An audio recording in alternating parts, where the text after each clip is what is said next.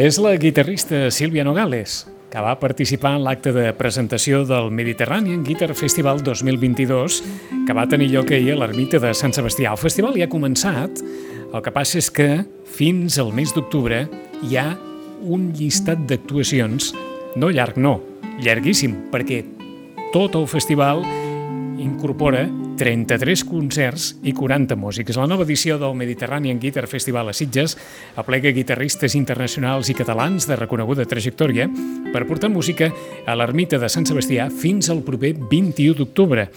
El certamen, organitzat amb la col·laboració de l'Ajuntament, programa enguany 33 concerts en una edició amb 40 músics i plena de primeres figures internacionals. Les, les actuacions són sempre a l'ermita de Sant Sebastià a les 9 hi ha un aforament de 120 persones. Es va presentar, com els dèiem, ahir dilluns amb la presència del regidor de Turisme, Luis Miguel García, el director del Mediterranean Guitar Festival, Tono Blasi, i mossèn Josep Pauses. A ells els escoltem, bàsicament, a l'explicació de com serà aquest festival i com es desenvoluparà l'edició d'enguany. Per tercer any consecutiu, em deia el Tono, doncs eh, es faran, eh, bueno, ja han començat, de fet, aquests concerts de guitarra aquí en aquesta església, totalment ja restaurada, oi? I una mica la, la parròquia doncs està contenta de poder oferir aquest servei. Aquest servei doncs, eh, de, de, cultura, cultural. Eh? De fet, eh, es fan molts concerts tant a, a la parròquia de Sant Bartomeu i Santa Tecla, doncs, com aquí, sobretot ara que tenim aquesta església tan, tan maca i, i tan, que, que reuneix moltes condicions per fer concerts, oi? a part de les celebracions litúrgiques que també fem, sobretot quan arriba Sant Sebastià el mes de gener, la setmana dels barbuts. Oi? Per tant, content, contents d'oferir aquest festival per tercer any. Jo ahir vaig ser en una trobada aquí al castell de Penyafort, una trobada de totes les parròquies de l'arxiprestat, dels diferents arxiprestats d'aquí del Garraf, de, de Vila, no Garraf, del Penedès, de, de Noia, Sant Sadurní, de Piera Capellades amb el senyor bisbe, i, i hi va haver algú que em va preguntar, doncs, mossèn, vull dir, què feu per Sitges? A Sitges sempre esteu fent coses, oi? No, no pareu, eh? De fet, ho veiem per la tele, a vegades hem vingut. I certament la nostra vila de Sitges doncs, es caracteritza per aquesta, per aquesta quantitat d'actes de, de tot tipus, actes culturals, musicals, etc. Per tant, això ens, ens enorgulleix i hem de dir sí, sí, a vegades patim una mica la, tanta gent, que, sobretot els caps de setmana, que és difícil de transitar, de passejar pels carrers, però vull dir, estem molt contents d'anar oferint aquest tipus d'actes, doncs en bé de, de tots els d'aquí, de, dels sitgetans i sitgetanes, i també en bé de tots els que ens visiten, que és molta gent. Gràcies, senyor tinent del primer tinent d'alcalde i regidor del nostre Ajuntament per la seva presència. Gràcies, Tono i Ignasi, organitzadors d'aquest festival. Eh, gràcies a vosaltres, periodistes, reporters, doncs, que cobriu aquesta tasca de mantenir informat doncs, a tota la gent. Bé, bon dia. Re, jo només us volia parlar una mica de, del festival, quatre idees molt ràpides. Uh, com deia el mossèn, a Sitges sempre es fan moltes coses i, i nosaltres no, no volem ser menys. De fet, nosaltres fa set anys que organitzem el festival, és el tercer any que estem a Sitges, però vam començar ja el 2015, però des de que vam arribar a Sitges, que cada any Sitges s'ha anat convertint en, en la població principal. Nosaltres estem a 10 poblacions de la costa catalana, però aquest any on fem més concerts és aquí Sitges, concretament amb 33 concerts. Fem tots els divendres a les 9 del vespre i, a més a més, els mesos de juliol i agost doblarem i farem divendres i també dimarts. Un total de 33 concerts amb 25 formacions diferents. Això converteix a Sitges amb la, la població principal del festival no només perquè tenim un entorn fantàstic i perquè ve molta gent aquí a Sitges, sinó perquè ens sentim molt ben tractats tant per part del mossèn com per part de l'Ajuntament i això fa que tinguem ganes de fer, de fer cada vegada més coses. Dit això, eh, aquest any promet, en el sentit de que l'any passat doncs, bueno, encara vam estar patint la, la reducció d'aforaments, amb la qual aquí l'ermita només teníem capacitat per 50 persones, o 50 i escaig. Aquest any ja tenim l'aforament complet, que són al voltant de 120, amb la qual ens espera un estiu entretingut. Llavors, jo us volia parlar de dues, dues coses, bàsicament.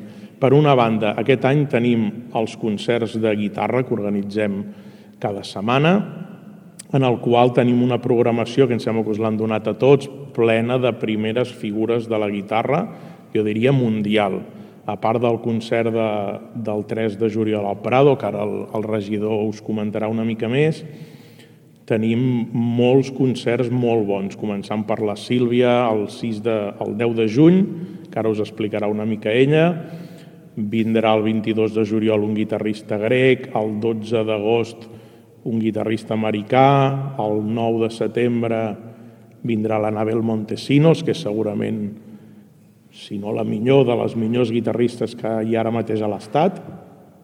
I tot això ho combinem amb un seguit de concerts, i això sí que és novetat d'aquest any, sense guitarra.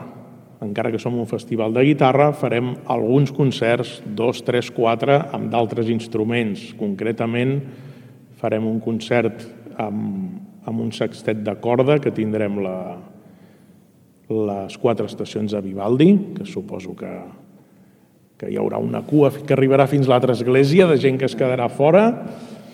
Tindrem un quartet de saxos, que també ho fan espectacular, uns nanos molt joves que tenen una pila de premis. Tenim els concerts de l'Ignasi de cello, que també omple l'ermita bueno, hi ha altres combinacions molt, molt interessants que ho teniu en el, en el programa. Eh, jo quasi que no m'allargo més. Deixo, deixo el regidor, només comentar-vos això, que el concert del 3 de juliol al Prado s'estan esgotant les entrades, qui vulgui que corri, i ara, i ara el regidor us explica una mica, una mica més. Gràcies, bon dia a totes i tots per estar aquí avui acompanyant-nos en aquesta roda de premsa. Gràcies, Tono, gràcies, mossèn. Eh, bé, com ha dit el, el Tono, aquesta, aquesta edició eh, que ja ha començat, ja portem dos concerts, eh, crec que ja portem dos concerts, tres, tres. tres concerts ja, i són 30, 31 concerts que tenim en total. Eh, ja estem treballant en aquesta, en aquesta aposta a plena normalitat. Eh, això que vol dir, mm, portem eh, venint de l'any passat que, que teníem un aforament molt limitat, el 50%, aquest any ja tenim l'aforament al, al 100% i aquestes 120 places places, 110 places que tenim aquí a l'Ermita Sant Sebastià, pues esperem que s'omplin per poder gaudir d'aquest festival de guitarra, d'aquest festival de cultura. I, I aquest escenari que estem avui presentant aquesta, aquesta edició del festival pues, és un escenari fantàstic, un escenari meravellós, que a més a més també eh, compta amb una bona acústica per poder gaudir d'aquesta activitat, d'aquests concerts de guitarra.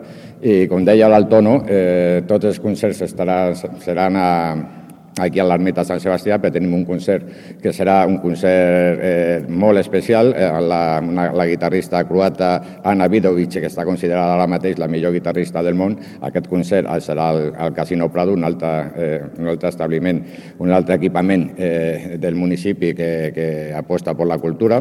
I, i en aquesta, aquesta, aquest concert de l'Anna Vidovic eh, crec que, com deia, com deia el Tono, serà també una, un, un punt d'inflexió dintre del, del que és el festival, perquè és una guitarrista d'un nivell mundial que tothom que, que coneix el, el món de la guitarra ja sap, ja sap qui és.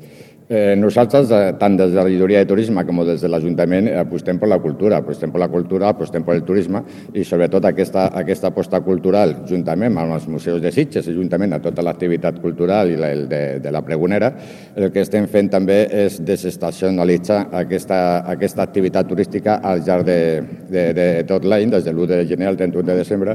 Com deia el mossèn i també ha remarcat el tono, a Sitges fem moltes coses i estem molt contents de, de continuar fent moltes coses Sí que és cert que hem tingut problemes cada setmana que hem tingut, hem tingut algunes coses eh, eh, una per sobre d'altra, però bé, nosaltres sempre apostem per, per les activitats eh, turístiques al municipi, per les activitats culturals al municipi i en aquest cas molt concretament també no tan sols per una, com una activitat turística, creiem també que és una activitat per al poble de Sitges, per ciutadà i la ciutadana de Sitges que pugui, que pugui gaudir de tota aquesta oferta, oferta cultural que tenim, present, estem presentant avui a l'Ermita Sant Sebastià poc més. Eh, agrair tant al Tono i al Museu la presència en, aquesta, en aquest acte, agraïm també a tots els mitjans de comunicació que esteu, que esteu aquí i convidar tant als visitants, al turista com al poble de Sitges, sitgetans i sitgetanes a poder gaudir d'aquesta aquest, edició del Festival de Mediterranean Guitar Festival. Moltes gràcies i res més.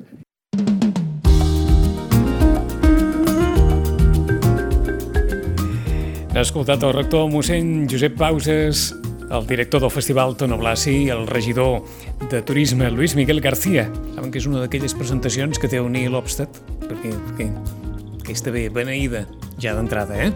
Fins al 21 d'octubre. Hi ha una llista, com els comentàvem, llarguíssima d'intèrprets. Qui vulgui més informació, qui vulgui adquirir les seves entrades, www.mediterraneanguitarfestival.com i els dies de concert a la taquilla de l'ermita de Sant Sebastià a partir de les 8.